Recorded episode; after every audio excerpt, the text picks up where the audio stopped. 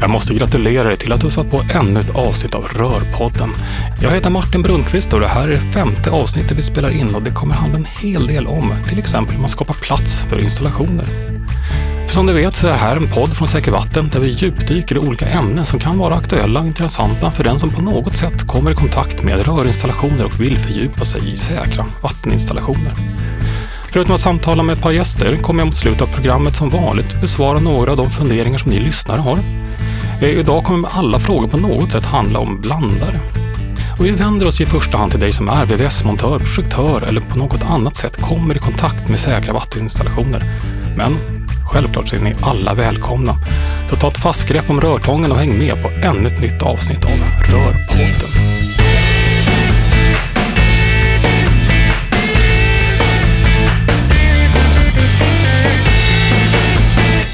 För hur skicklig en VVS-montör än är på att göra rörinstallationer så påverkas slutresultatet ofta av andra personers arbeten. Det krävs ett gott samarbete av byggprocessens alla aktörer för att vi ska få en bra funktion i våra byggnader. En VVS-montör jobbar ju förstås väldigt nära snickare och plattsättare och andra, men det finns även en del andra arbeten som påverkar hur arbetet kan utföras. Och I redan projekteringsstadiet sätts en del förutsättningar för till exempel då, plats för installationer. Och idag tänkte jag ta reda lite grann på hur arkitekter och beställare tänker kring installationer i olika skeden av ett projekt. Så därför välkomnar jag hit Mårten Bäckman, arkitekt på Arcus och eh, Kjell-Åke Henriksson, installationsansvarig på JM. Välkomna hit! Tack så mycket. Tack. Jag börjar med dig Mårten. Eh, arkitekter kan jobba med väldigt spridda typer av uppdrag och olika typer av byggnader och projekt. Eh, vilken typ av projekt eh, arbetar du oftast inom? Och jag jobbar med allt möjligt. På Arcus så jobbar vi med allt utom sjukhus och privatvillor. Och privatvillor gör vi ibland i alla fall. Och jag eh, pendlar mellan allt skulle jag säga. Eh, och eh, det är ju just installationsmässigt så skiljer det otroligt mycket vad man, eh, vad man måste tänka på, vad man kan ta med sig och hur kreativt man kan jobba. Eh, Kjell-Åke, eh, du jobbar på JM. Eh, mm. Ni bygger väl mest bostäder tror jag. Eh, vilken är din roll inom koncernen? Det är ju så att JM bygger ju egentligen bara bostäder på egen mark så, så vi kan väl säga att vi är interna beställare där vi kravställer på de funktioner vi vill ha. Eh, och sen är vi med hela resan och bevakar att vi får det vi kravställde på. Mm. Eh, men det är rätt att JM bygger företrädesvis bara bostäder, men i våra bostäder finns ju även lokaler i markplan företrädesvis. Det kan vara allt från restauranger, en liten ATG-butik, ja precis vad som helst. Jag upplever att det finns ganska många eh, montörer som har kommit till en arbetsplats och så har de konstaterat att ja, men, nu har vi lite dåligt med plats för att få plats med våra installationer och så tänker de att ja, men, någon borde ha gjort någonting bättre och sen försöker man likväl göra ett bra jobb och så kommer man hem och är lite sur. Men den här någon, det kan ju vara någon av er i det här fallet. Eh, hur tänker ni lite grann kring att skapa plats för installationer? Nej, men det är kravbeställningen som måste fram väldigt tidigt. Eh, ju mer vi vet, desto mer plats kan vi få. Sen så är det klart att det vi kan ha beställare som förväntar sig väldigt smooth eller väldigt snyggt eller tycker att den här platsen inte behövs. Men eh, sättet som man jobbar på oftast är ju att det är med någon. Och då kan det hända att den inte monterar och har en, alltså någon VVS-tekniker som är med, som inte monterar och därför inte har den synen på det. Um, men vi tycker oftast att vi har suttit någon och sitter någon från Skanska eller sitter något annat företag och med och säger att men här måste vi vara mer plats. Det här tycker vi inte om. eller sånt där. Så när det sker, då är det ju ett antal personer som har brustit. Det är ju inte så att det är en arkitekt som säger nej, vi tar bort ytan. Utan det är ett antal personer som har fått input, gett input. Och man har fallerat. Det händer ju, det är det som sker. Det sker ju alltid. Inte alltid, men det sker. Och det, går, det kommer aldrig gå att få komma ifrån. Vissa hus går jättebra och vissa hus går inte jättebra. Var upplever du Kjell-Åke att det brister oftast i en sån här kedja? Nej, men i och med att vi är då fokuserade på bostäder så har vi ju tagit fram en, en, en eh, egen standard som vi kallar projekteringsanvisningar som är vår ja, kallar tekniska plattform. Och där har vi detaljer på hur stora schakt som behövs. Alltså beror på vad som ska vara i schaktet och hur högt det ska vara och så vidare. och så vidare. Sen finns det ju alltid byggtoleranser och de har vi också försökt ta hänsyn till. Eh, för plattbelag kan åka lite fram och tillbaka och, och så vidare. Eh, men när vi har sett det är ju att när det inte har gått så riktigt bra så har man tagit, för, förlåt uttrycket, egna initiativ på arbetsplatsen. Någon tog ett hål som var egentligen avsedd för någon annan och då brister ju hela kedjan. Så det är ju ofta en upplysningsfråga i själva produktionen neråt. Det är inte så att arkitekten, nej jag tar bort halva schaktet för att snyggare planlösning. Det är inte så det fungerar utan det, det är något som har hänt.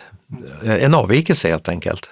En specifik bostad så vet man så himla väl ofta vad som ska in. Så fort man har satt ja. systemet så får vi plats med allting och det är med så himla tidigt. Så där tror inte jag att det sker. Där ska det egentligen inte ske. Det är väldigt sällan som det ska hända någonting konstigt där. Och då beror det antagligen på att kommunikationen är brustit mellan, då är, det, då är det presentationen i, mm. för de som ska jobba med det som, som inte finns där. Upplever ni att det, det finns tillräckligt kunskap om um, bland alla led, liksom både med arkitekter, beställare liksom andra konsultgrupper, att kunskapen om vilken plats som behövs. Man, man, alla förstår ju naturligtvis liksom att de rent fysiska en installation ska få plats, men sen kommer det isolering, det ska få plats att montera. Det här är ju ändå ett, kanske inte alla tänker på att det är ett, eh, ett arbetsutrymme för ganska många människor. Så det är en arbetsmiljöfråga också. Upplever att det finns en förståelse och kunskap kring det här i branschen? Jag kan väl svara så att rent generellt så borde den vara högre. Mm. Vi, vi har ju till exempel plattbelag som det heter, kvartsittande form, där vi gjuter in saker. Och det är ju många konsulter som inte förstår vad det är. Eh, då tror man att man har ett bjälklag på typ 250 att leka med, men det är egentligen bara 200 för 50 har ju redan försvunnit i den kvarsittande formen så att säga, som blir taket i lägenheten under. Så det, det är inte alla som förstår alla delmoment i den stora processen. Man kanske är jätteduktig i sin, sitt fackområde, nischar, men man måste också känna lite hur funkar det för de andra? Nej, men det tror jag verkligen, det här att se på en arbetsplats, man på bygger ett hus och förstå vad alla bitar är. Eh, jag kan glatt erkänna att jag ibland brister i det här. Inte så tillvida att jag ehm, inte gör plats för det, utan kan man säga, okej, okay, fine, ni behöver den här ytan. Jag förstår inte riktigt varför den här ytan behövs, men jag, får jag veta vilket mått som behövs mm. så är det det som jag behöver. Jag behöver inte fatta allting. Sen kan det vara helt fantastiskt att förstå hela vägen ner. Men det är en, ett hum om och en förståelse för vi behöver. Och där, ibland så blir det väldigt provocerande när man med ryggningsavstånd och såna grejer. Ja, men okej, det är en yta som står obrukad. När vi har en beställare som säger att varje kvadratcentimeter ska gå att hyra ut och så helt plötsligt står en meter som någon ska stå och jobba på en gång var tredje månad. För de VVS-montörer som nu sitter och lyssnar på det här och känner att ja, men det här uppstår ju titt som tätt. Liksom, vad ska de göra för att det ska bli bra nästa gång? Ja, men det svåra är ju att, att själva VVS-montören, han är ju längst bort från processen, alltså den initiala processen. Sen har han sin projektledare och sen finns det liksom andra steg i, i, resan så att säga. Men vi vill ju gärna att de gör en form av erfarenhetsåterföring så vi kan ta med oss till nästa projekt och nästa. Nu är det ju så att vi jobbar mest med avtalsentreprenörer. Och då lyssnar vi vad de säger, för det kommer ju fram alltid någon, någon synpunkt. Eh, sen kan en synpunkt vara bra och den kan vara lite kanske för Eh, entydig, att det passar mer med västmontören. Men man måste se helheten, för, för vi påverkar ju varandras ekonomi på något sätt. Och, och, men arbetsmiljön är ju högre prio än ekonomin för att ja, folk ska ju må bra. Och därför är det jätteviktigt att alla de här frågorna kommer upp. Så vi har ju bytt vissa produktionsmetoder bara för att det ska bli bättre arbetsmiljö. Eh, det kan till och med bli lite dyrare, men man ska inte liksom bli sjukskriven vid 50 för man är utsliten. Och vad tänker du då på för typ av arbetsmiljö för montören? Att... Ja, för alla i hela bygget. Ja. För vi får inte bara se, ja, ja det är bra arbetsmiljö för GMs personal, men de andra behöver inte bry oss om. Så funkar det inte. Det är liksom, alla i samma båt. Det är ju som ett team. Mm. Sen råkar man vara anställd i olika företag som går vidare. För att det är också, mår alla bra så blir det en bättre produkt, alltså en bättre finish. Sen kan alla göra fel, vi är människor och det är egentligen rätt bra att det blir fel någon gång för att då är det människor så vi är inte robotar. Men, men det viktiga är ju hela tiden att det kommer tillbaka. Så då, då kan inte våra projekteringsledare kanske prata med sin arkitekt att ja, men det var bra, men det var, där var lite stökigt, så vi måste vi tänka till nästa gång. Och det är ingen kritik utan det är positiv kritik, erfarenhetsåterföring. För att om ingen talar om till en arkitekt att det inte var bra, då tror ju vederbörande att det var bra. På samma sätt. Då vi gör om det, om det, om det, om ja, det, om ja. det, om det. Om vi inte får reda på det, om det inte kommer fram så gör vi det om och om igen. Ja. Därför att just, men JM har ju väldigt stor erfarenhetsåterföring hela tiden och en slimmad produkt och det, det, ni får in era saker. Ni har ju väldigt, väldigt tydliga, och det har ju inte alla. Alla beställare har inte det här. Och det, Det kan vara små beställare. det kan vara små beställare, det kan vara oerfarna beställare. Alla de här grejerna spelar in. Och sen så kan det vara också att det var att det, nu får du ta det här med en nypa salt, men det kan vara ett mer innovativt bygge. Och då Mm. kan man behöva utmana och se vad som gör. Och då är det så här, de felen man gör där ska ju alla lära sig av. Mm. Det är en hel bransch som lär sig av, av ett nytt, nytt koncept. Och provar vi inte så utvecklas vi inte. Tycker att du får den här, eller ni arkitekter, konsulter, får den här erfarenhetsåterföringen eller upplever att det brister, att det svär sig tystnad mer än någonting annat? Det är det jag är orolig för faktiskt, att det svärs för mycket tyst, att det inte kommer fram. Eh, nu vet jag att jag tycker att de flesta saker kommer fram. Och misstagen är kommunikationsmisstag tror jag största delen. Jag tror inte att det är ytmisstag egentligen, jag tror att det är kommunikationsmisstag. För det kan sitta en BVS-konsult och göra en plan. Och då har han fått kravställa precis vad han ville ha. Och det har gjorts plats för det som han bad om. Och sen så kanske det går att man byter byggare eller byter... Och det är en annan firma som gör det andra jobbet. Mm. De har ingen kommunikation med VVS, den som har liksom designat systemet. Och det där då, vad, hur, hur, får, hur möts den personen som har designat systemet av personer som står på plats och inte får plats? Och den kommunikationen vet jag ingenting om, för vi jobbar inte med, med det. Vi möts av det som kommer till oss, men det kommer inte till den personen. Nu är frågan, hur får installatören tag på den som har designat systemet om de inte jobbar på samma företag eller inom samma sfär? Mm. Eh, jag har ju själv en erfarenhet längre bak i tiden som VVS-konstruktör. Eh, Och det var ju ofta mycket snack. Liksom, det- det- jag upplevde då, det här är ganska många år sedan nu, att det var så här, tvist mellan arkitekter och VVS-konsulter. För man slogs lite grann om samma utrymme. Eh, Är det någonting som du också upplever idag? Att man, ja, tvist kan inte säga, men nej, man, men- liksom, man, man har lite ol- olika intressen. Eh, Ja, men det har man ju. Eller så här, vi, vi säkerställer bruk, slutbrukarens eh, förståelse och upplevelse av platsen. Och det, det, det blir svårt för oss då, för det blir så efemära vari- variationer. Det är liksom, åh det ska vara fint, man ska förstå när man kommer in och så bara, ah, fast det måste fram en kabel. Och det är så här, fast om vi drar en kabel här, då kommer folk bli förvirrade och inte, ty, inte tycka om huset och inte tycka om platsen och inte förstå vad de ska göra för någonting. Och det brister vi att kommunicera tror jag. Jag tror att vi måste bli bättre på att säga Skälet till att vi inte vill ha den här är det här. Min målbild är det här. Och det har jag blivit ganska och övat upp mig på ganska mycket på att, att förmedla målbilder. För då kan VVS-konstruktören säga, ja nej, men okej, om det är målet, då kanske det här är en lösning. Så det är hela tiden en kommunikation och det här samarbetet som vi har, det är ju det roligaste med jobbet. Eh, Kjell-Åke, eh, varför är det egentligen viktigt för att installationer ska få, få plats, förutom att de rent fysiska naturligtvis ska finnas? Nej men alltså installationer är ju som det står i plan och bygglagen, det är ju en del av en byggprocess. Det är ju som eh, hjärtat och ådrorna. Du ska ha varmt, du ska ha kallt vatten, du ska ha varmvatten, du ska ha ventilation och så vidare. Och huset fungerar ju inte bättre när inte alla de här delarna fungerar. För det är ju boenden trots allt som är där.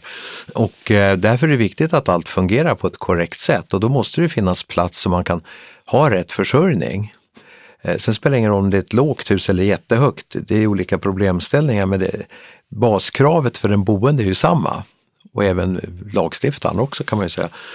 Eh, Och därför är det viktigt att det finns plats och vi måste också ha plats att det går, om någonting händer under åren fram igen, att kunna serva och byta ut.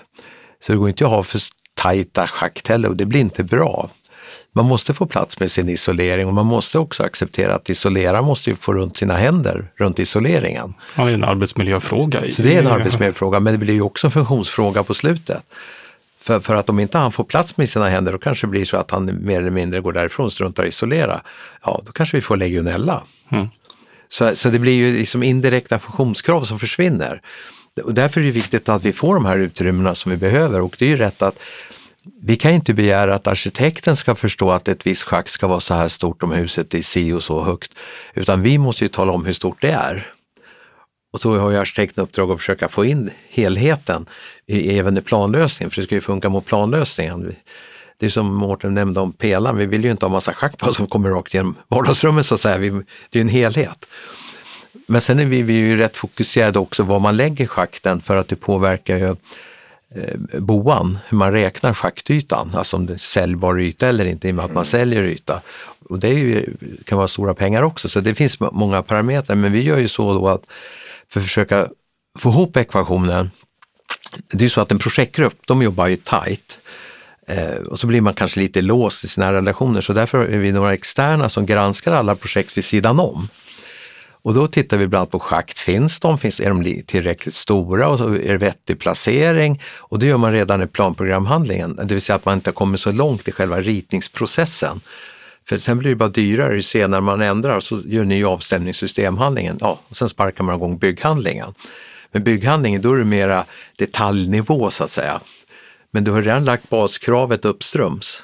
Det, det är svårt liksom att börja svänga runt tankskeppet. Det, det går liksom inte. Så, så det är viktigt, men det är ju bara för att vi ska få med allt och då tittar vi också självklart på ekonomin. Eh, för, för, att det är inget svårt att rita.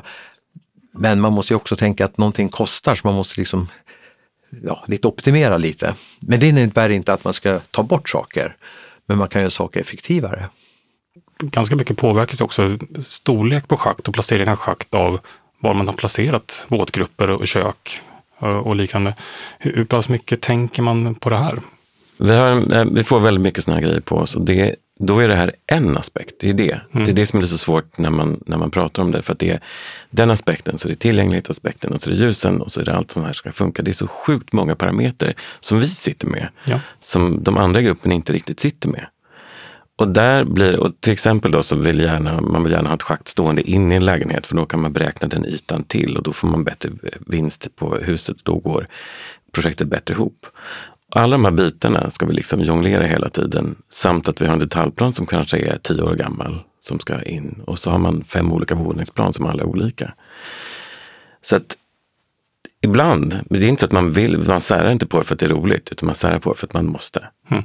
Eh, och det, vi försöker alltid hålla ihop det. Och sen är det här, det som är vårt mål är ju eh, att undvika gubbar i alla, alla sammanhang. Det är min värsta. Här, för det förstör ett, ett rum och det gör att den som kommer in i rummet inte förstår rummet. Kan du förklara, vad menar du med gubbe? Ja, men gubbe, det är en låda i taket som sticker ner. Mm. Vi sitter i ett rum nu där det är väldigt mycket sånt här. Det är jättemycket gubbar här. Ja. ja här är gubbfest. Förutom vi tre som sitter här. Ja. Verkligen. Mm. Ehm, det är när man sticker ner en bit i undertaket och en bit från väggen, så det blir en låda som sticker ut. Så symmetrin i rummet blir liksom inte riktigt en kub? Eller man ska säga. Ja, rummets geometri eh, påverkas negativt. Och eh, när jag kommer in i rummet, som jag är ovan eller om jag är en brukare, ser jag så här, vad fult det där var. Eller eh, varför sticker den där ner? Och jag förstår inte varför den sticker ner och då blir rummet lite undligt och jag tycker inte lika mycket om det. Så att vårt mål är att försöka undvika sådana också. Få, det är därför man vill ha tydliga liksom, strukturer och tydliga geometrier för att folk ska röra sig runt. Eh, jag är så, så att jag, de gånger jag händer, det händer, det händer, då är jag mer för att man ska sänka hela undertaket. Då kan det bli för lågt i taket och det är trist. Eh, men jag vet att JM gör det här ofta i hallar till exempel. Alltså ska man sänka så gärna i hallen då, för det är ju som ett entydigt rum och den är mera ja, kalla det sekundärt jämfört med vardagsrum. Man kanske inte vistas där lika mycket. Och det stora problemet är ju när man har från och till luft med återvinning, för då ska man ha två schakt och då vi kan inte korsa, vi utger in allt i bjälklaget, men det, vi kan inte korsa sakerna i bjälklaget för det är inte så tjockt. Och då måste den ena ligga under och då får man den här gubben så att säga. Har, har ni mycket gubbar på JM? Nej, det försöker vi få bort för det, det är inget kundvärde. Eh, och sen kan man ju säga rått, det är en kostnad också. För det, blir, det är precis som Mårten säger, då, då, kan man inte göra en gubbe i en hall för det ser jättekonstigt ut i rummets utformning utan då blir det ett undertak i he, hela rummet. Och då lägger man det företrädesvis i hallen. Eh, men däremot försöker vi titta då att man inte kan, man inte kan få två schakt. Ett frånluftsschakt i ena änden av bostaden där man har våtdelarna och kök där frånluften ska och ett schakt i typ sovrumsdelen där tilluften ska. Då får man inte den här korsningsproblematiken. Men det är inte alltid så lätt heller. Det, det är lätt att raljera och säga, ja vad är det för svårt? Men det är ju detaljplan som styr. Och det kanske gör att man kan inte få upp ytorna utan att det blir helt enkelt att ja, det blir alltid små kompromisser på något sätt. Eh, det finns en optimal värld och så finns det mer en verklig värld så att säga. Men, men det försöker man ju göra de här två schakten om det går. Och ibland drar vi ner tillhörsschaktet i i hallen, i garderoben. Och gör man korsningen i, i, i en skjutdörrs garderobstak så att säga. Då försvinner den, då Så- blir gubben dold. Då är gubben Mm. dold och försvinner inte, du ser inte den när du kommer in i rummet. Eh, Det är så man försöker göra. Men då är det ju viktigt också att man får allt över varandra så man liksom kommer ner rätt. Och det, det, det, det är alltid lätt att tycka efteråt men det, det, det är millimetermått för sen är det ju tillgänglighetsmått och det är ja, massa olika andra mått som ska anpassas i de här kedjorna. Så det är inte, alltså helst vill man ju lägga badrum och, eller våtenheter i mörka ytor, alltså inte med fönster för det är, det är mer en säljbar yta. Det går inte alltid, men eh, optimalt. Men det, och sen har man ju ofta som man kallar för en gästtoalett när det är större lägenheter och då vill man kanske inte lägga den kloss med stora badrummet. Man kanske lägger den i en sovrumsdel i andra. Och då kanske inte så lyckat att dra rör emellan för det kan vara svårt. Ja, då vill man ha ett nytt schakt. Men det som är då är problemet ibland är ju att när man kommer upp till takvåningen så kan det vara så att den ser annorlunda ut, den kan vara indragen som en kungsvåning. Och då stämmer ju inte schakten för det är ju en annan planlösning. Och sen har vi råkat ut för att eh, stan vill ha ett LSS-hem i i bottenplanet. Då stämmer ju inte alls för det är öppna ytor. Då kommer ju schakten ner i taket i ett aktivitetsrum eller vad som helst och då blir det gubbar och undertag. Men, så det, det, det är komplext att få ihop alla de här delarna men vi försöker göra så gott vi kan för man vill ju att känna sig stolt att, och att det ser fint ut. Blir det ett problem också att eh, just de här olika yrkesgrupperna mellan olika installatörer, eh, att de så att säga, snor varandras utrymmen, att de inte riktigt tittar på en ritning och säger att jag ska vara i den här änden och så där skulle egentligen ventilationen ha gått. Ja, det, det har blivit bättre men tidigare, vi har ju som sagt var plattbärlag och då, då är det färdiga hål i bjälklaget när det kommer. Och då hände det ibland i början att oj, här var ett bra hål, så drog rör upp sina rör där vänt skulle vara åt tvär, eller tvärtom. Men då har vi gjort så att vi sitter färdiga väntmuffar i hålen för vänt. Så man ska förstå att det är vänts hål. Och så har rörsidan på ett annat ställe, bara för att det påverkar neråt. Eh, Men jag tror också folk har lärt sig mer och mer, för i och med som jag sa tidigare, vi har ramavtalsentreprenörer, de lär ju känna igen sig. Då, då blir det lättare liksom att rulla på bollen. Men det här bygger ju jättemycket, precis som Mårten sa, att vi har ju en standardiserad produkt och då är det lättare att styra. Men det är ju ett samarbete naturligtvis även där. Det är, ju- Jo, jo men det är Ja. lättare. Mm. I och med att det, liksom man, det är som legobitar, det är samma storlek på alla bitar. så Ja, att säga, men så de ni, passar ni har en sån styrd process på det Ja. sättet. Mm, ja, det kan ju vara ett eh, större Ja, problem i andra fall. Jag har en fråga där faktiskt. Eh, senaste åren så har det blivit mer och mer trender med mindre och mindre och mindre kompaktare kompaktare lägenheter. Det är ganska, det, får, det pushas ner så att man vill ha tre år som är 65 kvadratmeter och man vill ha fyra som är 80 kvadratmeter. Det är liksom, tar bort 10 procent av lägenheten ibland. Mm. Upplever du att de är mer komplicerade att få till bra eh, rör på än vad de stora lägenheterna har varit? Nej, det tycker jag inte. Och vi har ju ett, ett koncept som vi kallar smarta kvadrat som inte alls är så stort då. Eh, För, för i begreppet ligger ju att kvadraterna ska vara smarta så man utnyttjar dem. Det är inga överytor så att säga. Och, eh, men men det, har man ju, det har vi ju gått igenom standardiserat men det är ju som moduler så att det går inte att ändra. Nej. För det ska ju, klossarna ska ju passa på varandra, typ schakten då. Eh, Men det är rätt att det, lägenheterna ten- tenderar att bli mindre och mindre.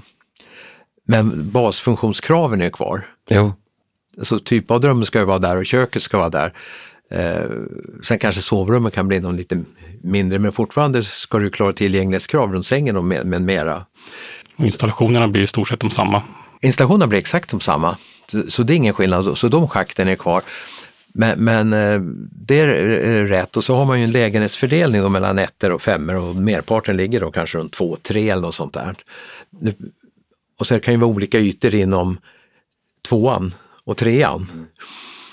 Och, då, och där kan göra att schakten åker lite om de skiljer på normalplanen. Ja, men jag ska förklara det kanske, att entréplan ser aldrig ut som de övriga planen. Vårt problem är ju då att entréplanet är, ska man komma in och ska man upp oftast en halv våning och sådana bitar. Och då ska man alltid gå och inkorporera en bit av en lägenhet i en annan. Och då är det, här, det, det, det våningen blir någon sorts kompromiss. Ja. Eh, Och sen så är toppvåningen, om det ska vara in- indraget så här, som blir en kompromiss. Och där vi brukar vara lite mer frihet, där brukar man kunna dra och flytta lite, lite mer än på de övriga våningarna. Men, och där är det detaljplaner och livskvaliteter och annat som kommer in som styr de här, som ställer till de problemen som blir. ibland okunniga kommuner som uh, gör ett indrag helt plötsligt för att man tycker att det är fint. Uh, och sådana saker. Så det, vi sitter ju i händerna på en detaljplan från början. Mm. Och sen när vi köper mark då så har man ju dels en detaljplan självklart, men det finns ju markanvisningsavtal som står andra krav i också, som ska inkorporeras i, i huset. Och det, det, det är alltså en jättegrannlaga uppgift att få ihop alla de här delmomenten. Eh, och har man då ett hus med källar, ett källarplan, då är det ju lättare för då kan man ju knyta ihop det i källaren så att säga och få schakten gå rakt ner. Eh, för det är ju så att markplaner skiljer sig, då har man ju miljörum och det kan vara elcentral och undercentral kommer in och allting. Så att, där kan vi ha gubbfest, vi har inga problem med det. Nej, nej där kan vi gå. Men liksom, det, finns, det påverkar ju planlösningen. Mm. Och det kan ju vara så terrängplan så att det är fyllt på baksidan som gör att det inte blir lägenheter på samma sätt. Och, ah, det är svårt att säga, det, för det man ser, man kan inte ha copy-paste och tro man kan i stort sett använda samma hus överallt. Det skulle bli lite tråkigt också. Tänkte, ja, det skulle bli jättetråkigt, men ja. just i och med att detaljplanerna styr ju. Mm. Och det måste vi ju följa. Tänkte, nu pratar vi rätt mycket om kanske nyproduktion, eh, projekterade större men eh, många av våra medlemmar jobbar ju även mindre, eh, kanske ombyggnader i lägenheter, villor och så vidare. Mårten, har du några tips till de här hantverkarna? Liksom, hur ska de tänka? För de är naturligtvis duktiga på att göra installationer och få det att fungera och följa branschregler och så vidare. Men arkitektoniskt kanske de inte är lika duktiga. Hur du menar när en arkitekt inte är inblandad? Ja, men precis. Här kommer någon glad kille eller tjej med mm. rörtången i högsta hugg och ska renovera ett badrum. Liksom. Hur, ska man tänka? svårt. Ja. Hur ska man tänka? Jag har renoverat ett badrum nyligen. Ja. Eh, det blev skitfint. Såklart det blev. Ja. jag är så nöjd. Um, nej, men, kommunicera med den som bor där. Det är det som är hela grejen. Alltså, berätta, det kommer komma ett rör här. Det kommer bli en gubbe. Det kommer bli en gubbe här. Eller vill du göra det här så kommer det här bli konsekvensen. Jag tror att det är konsekvensbeskrivningen som är viktig för de personerna. För att om du inte man måste visa, och jag tror att för folk som är ovana, vi har jobbat nu nyligen med någon som är ovan att läsa ritningar. Mm. Och det är väldigt många som inte kan det. Nej, det är inte helt ovanligt faktiskt. Nej. För mig är det chockerande mm. att folk inte kan läsa. För mig, jag, jag, ser en ritning och ser ett hus och bara, åh vad fina rum och här vill jag vara, vad roligt det här var, vilken smart lösning. Jag kan liksom, ett hus som på ett, i 2D är i 3D för mig direkt. Mm. Och konstigt nog så är det inte så här för alla. Nej, det är för oss nördar. Ja. Och då handlar det hela tiden om att kommunicera och berätta om att här kommer fram. Och då är frågan om man kan eh, göra det i 3D innan och visa upp. Jag förstår att det, i det här fallet så kanske det är en för liten grej för att göra det. Men eh, kanske bygga en mockup för att visa. Mm. Gör i kartong. Sätt, så här kommer det gå. Mm. Här kommer den visa sig, här kommer den vara. Personlig åsikt från dig. Tycker du att synliga rör kan vara någonting snyggt eller estetiskt? Eh, det finns en skola som ritar av Rosenberg arkitekter som inte finns längre, som, där man gjorde helt synliga installationer som alla var vitmålade bakom ett vitt galler. Det var supersnyggt. Jag tror kanske till och med att de var ljussatta. I mitt huvud så minns jag bilderna från det projektet som mm. att de var ljussatta.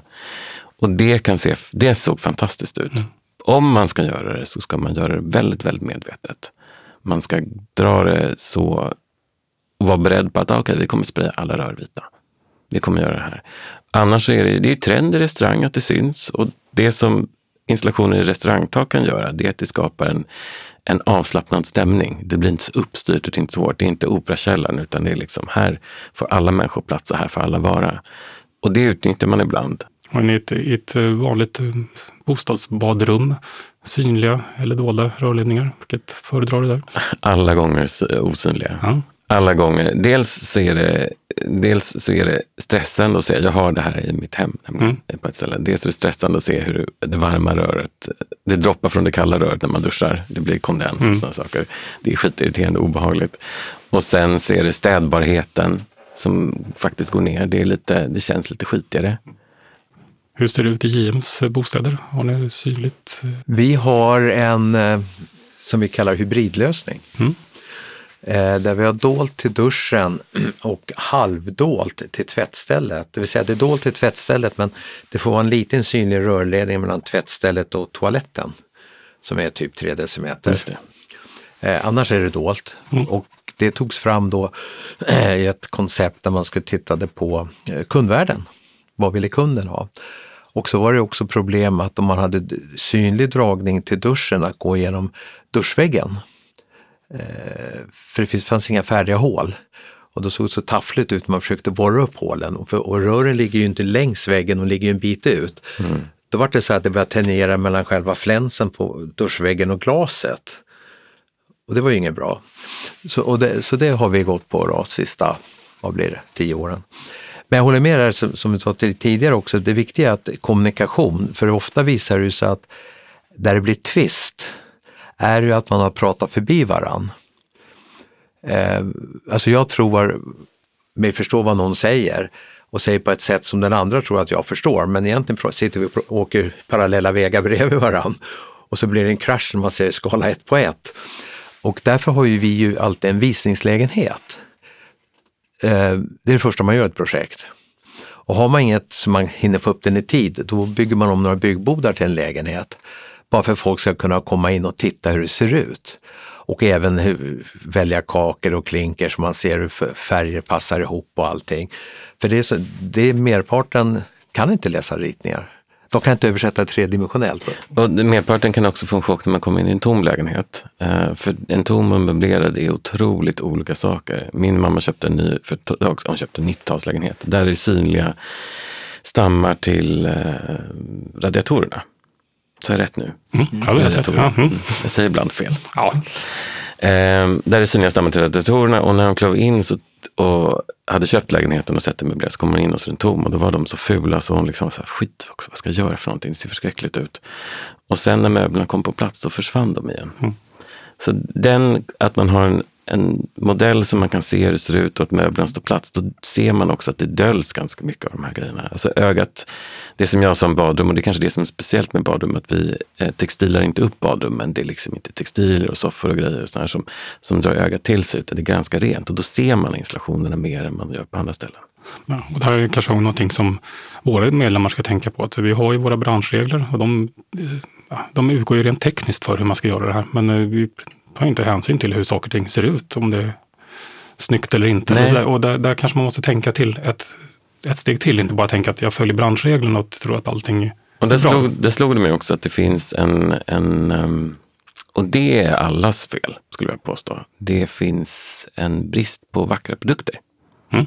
Det finns en brist på jag tänkte just det specifikt när man fäster upp de här två rören, ett kallt rör och ett varmt rör. Mm. Och så den infästningsgrejen, den är oftast i vit plast och så är det en liten kåpa på med skruv på. Mm.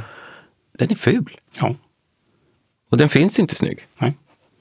Men det är kanske ett medskick vi ska skicka till de eh, tillverkare som lyssnar på det här. Att, eh, Ja, gud ja. ja vi har ju i och för sig då, om vi pratar om de här synliga kopplingsrören som ofta är förkromade, där har vi krav på förkromade delar mm. för att hålla ihop. För när man satt vitt mot det förkromade då blir det, då studsar man ju till. Mm.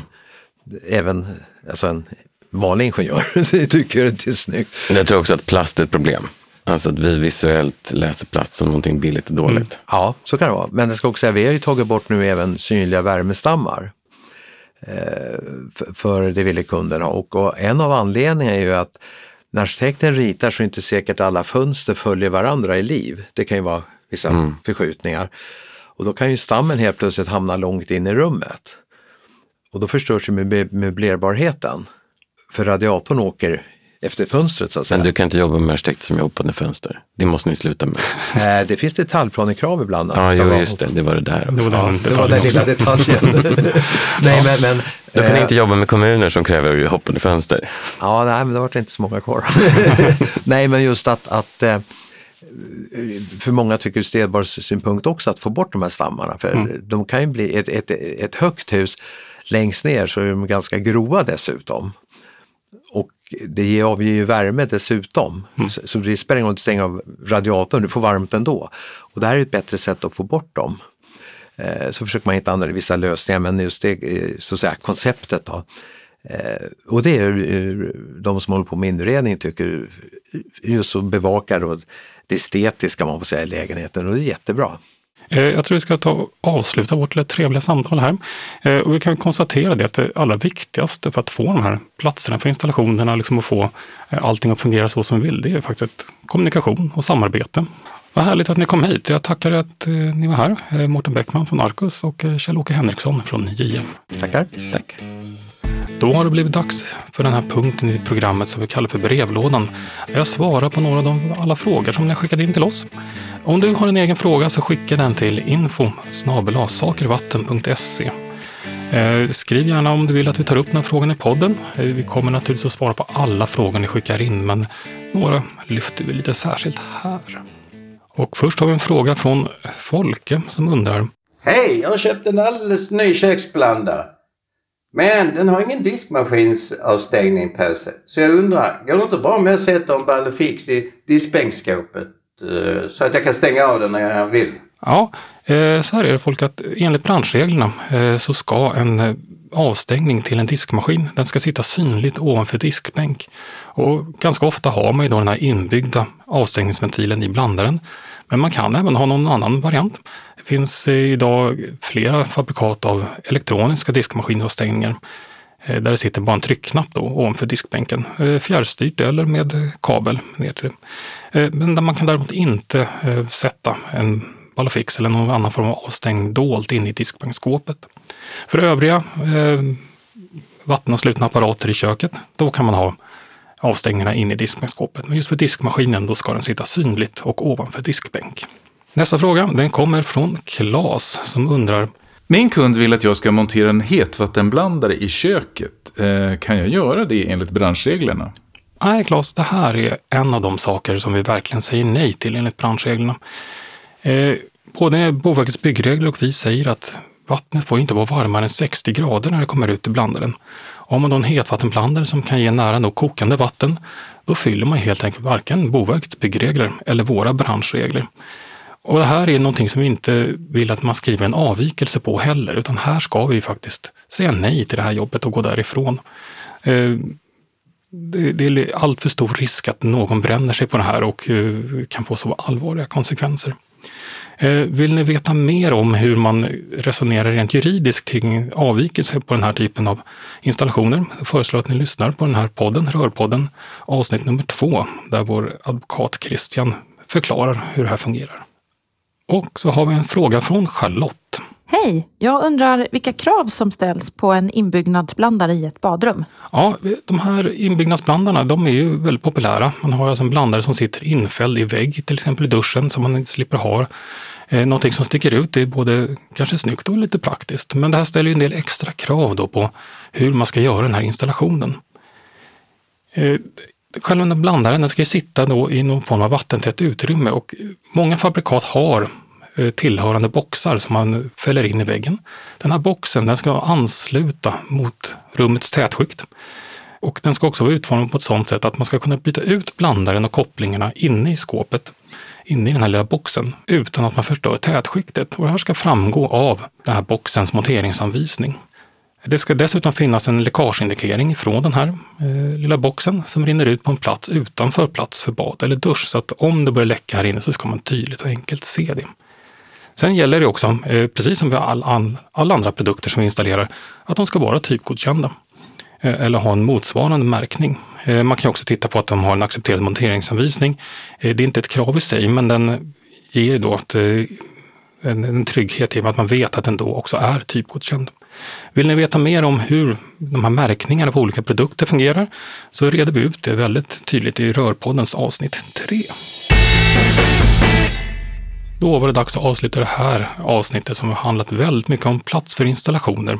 Det var haft ett trevligt samtal tillsammans med Mårten och Kjell-Åke. Om ni har några frågor, eh, kommentarer eller annat kring Rörpodden så mejla gärna oss på info.sakervatten.se. Ni hittar även alla andra våra kontaktuppgifter på www.sakervatten.se. Lyssna gärna på våra övriga avsnitt av Rörpodden. De finns där poddar finns. Och kan också som vanligt rekommendera att eh, ni lyssnar på Installatörspodden från Installatörsföretagen eller Kakelpodden från BKR. Men kom ihåg, rör det rör, då rör det oss.